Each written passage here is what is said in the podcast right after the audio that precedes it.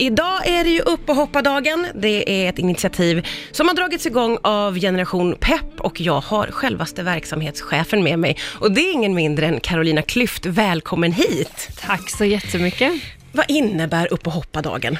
Det är en kampanjdag som vi drog igång förra året eh, för första gången och det handlar om att att eh, vi vill synliggöra just eh, att få fler barn och unga i rörelse och att vi är många som står bakom det eh, initiativet och den förhoppning om att få igång barn och unga att röra sig på sig mer. Och det är alltifrån företag inom näringslivet men också skolor som är med och peppar, alltså andra ideella organisationer och företag som vi har i vårt nätverk som verkligen ställer upp idag och så hoppas vi att privatpersoner och alla där ute som kan visa på liksom lätta, enkla rörelsepauser i vardagen eller man kanske tar trapporna upp för, eh, till jobbet eller vad det nu kan vara och lägger upp och peppar igång Sverige helt enkelt till att inte vara så stillasittande. Ja, ja men för det är vi ju och Generation Pepp eh, eh jobbar ju för att alla barn och ungdomar i Sverige ska ha möjlighet att ha ett aktivt liv hur pass stor utmaning är det, skulle du säga?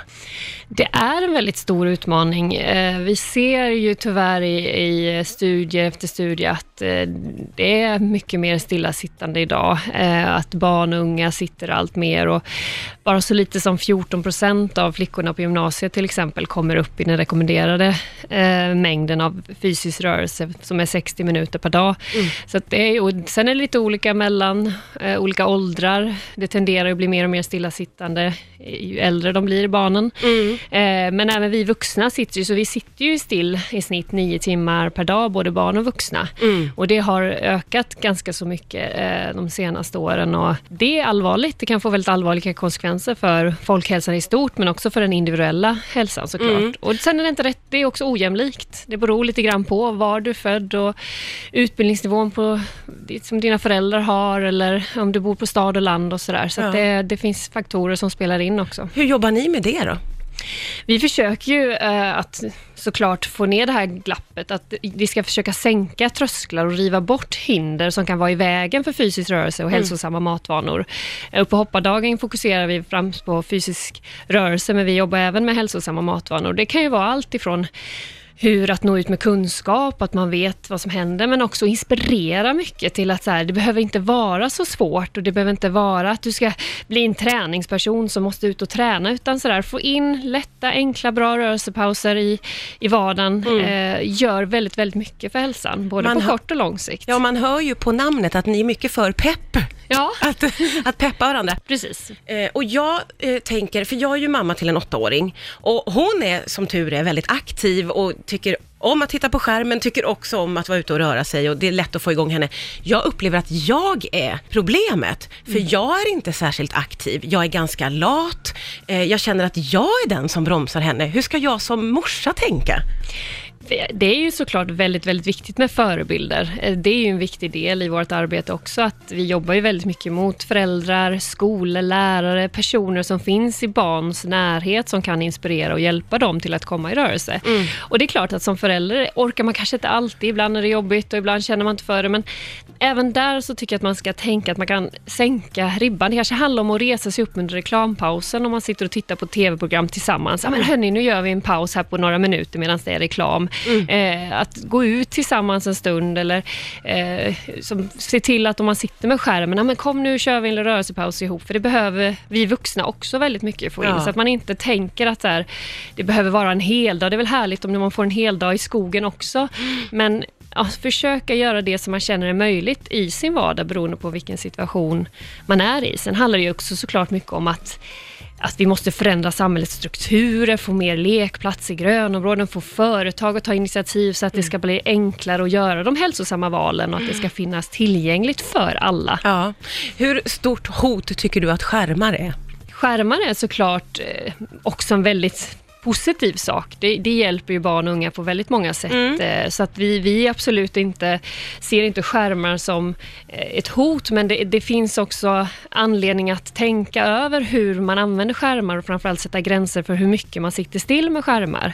Mm. Eh, vi är ju inte så att plocka bort skärmarna löser alla problem, men att ibland pausa, att få in aktivare eh, spel. Det finns möjlighet till att man kan hitta eh, spel som kanske också uppmuntrar till aktivitet, men också lägga ifrån sig den ibland och som förälder kanske och vi vuxna att sätta gränser för eh, stillasittandet och skärmtiden. Ja. Är vi lite dåliga på det, vi, vi föräldrar? Ja, jag är själv förälder. Jag vet att det, det gäller ju att våga ta fighterna. Vi vet själva, tror jag, hur lätt det är att fastna i en skärm. Ibland mm. Öppnar man telefonen och man vet inte ens att man, vad, vad håller jag på med? Varför har jag ens öppnat den? Det blir ju någon sorts, man blir liksom försjunken in i äventyret på mobilen. Och ja. där, det där måste man ha disciplin både mot sina barn men också gentemot sig själv. Man kan inte själv sitta vid matbordet och swipa på telefonen och förvänta sig att barnen inte ska sätta gränser. Så att vi behöver sätta gränser för oss själva också, tror jag. Ja. Eh, och så, den har fått ett väldigt stort genomslag, måste jag säga, upp och hoppa-dagen. Ja, det är fantastiskt och nu, nu har vi en speciell liten touch på det, att man ska drabbas av pepidemin, eftersom ep vi har en epidemi av stillasittande så vi, vill vi istället vända på det där och skapa ja. en pepidemi. Ja, det så låter ju underbart. alla blir drabbade av pepidemin nu idag och ett par veckor framåt och att man lägger ut och hashtaggar och visar och inspirerar till att göra enkla, härliga rörelser ja. i vardagen. Det behöver inte vara så svårt. Det är det som är det stora budskapet idag, känner jag. Absolut. Det är, det, det, det, är lätt att tänka att oh, men jag är ingen träningsperson, man mm. förknippar det med träning. Det här handlar inte om träning, det handlar inte om att vara någon gammal elitidrottare som jag är. Som utan, du är. Utan det här handlar om rörelseglädje, hitta saker som är kul, hitta saker man kan göra tillsammans med familjen eller med kompisar. Mm. Det handlar kanske om att komma ut, för ute är man oftast mer i rörelse än om man sitter inne fast framför en skärm. Mm. Eh, så det handlar liksom om att sänka ribban ja. och förstå att all rörelse räknas. Och även om man inte kommer upp i de där 60 minuterna som faktiskt är rekommenderat för, för barn och unga att röra på sig varje dag rätt så aktivt. Mm. Så all rörelse räknas. Så ja. det gäller liksom bara att känna, men har jag gjort nu en paus på 4-5 minuter så har jag åtminstone förbättrat min koncentration, fått igång systemet i kroppen. Ja.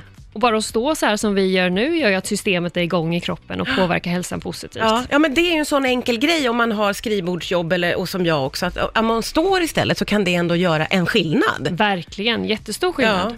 Ditt bästa vardagstips då, som du använder där hemma på dina ungar och dig själv? Bästa vardagstips är nog ändå att komma ut. Alltså det direkt kommer man i rörelse om man är ute. Mm. Eh, så det, det brukar vi, om vi verkligen ska hitta på något så är det att gå ut. Men annars är det så här, jag gillar ju enkla hinderbanor med ungarna, även om de är små. Man sätter upp lite små böcker eller sådär. Man kan göra Även om man bor lite mindre och lite trångt så kan man sätta upp en liten, liten minihinderbana ja, så man det. får utmana sig själv ja. lite. Det brukar, det brukar funka i alla fall hemma med, med mina ungar. Ja. Jättebra tips. Tack snälla Carolina Klyft för att du kom till Rix FM idag.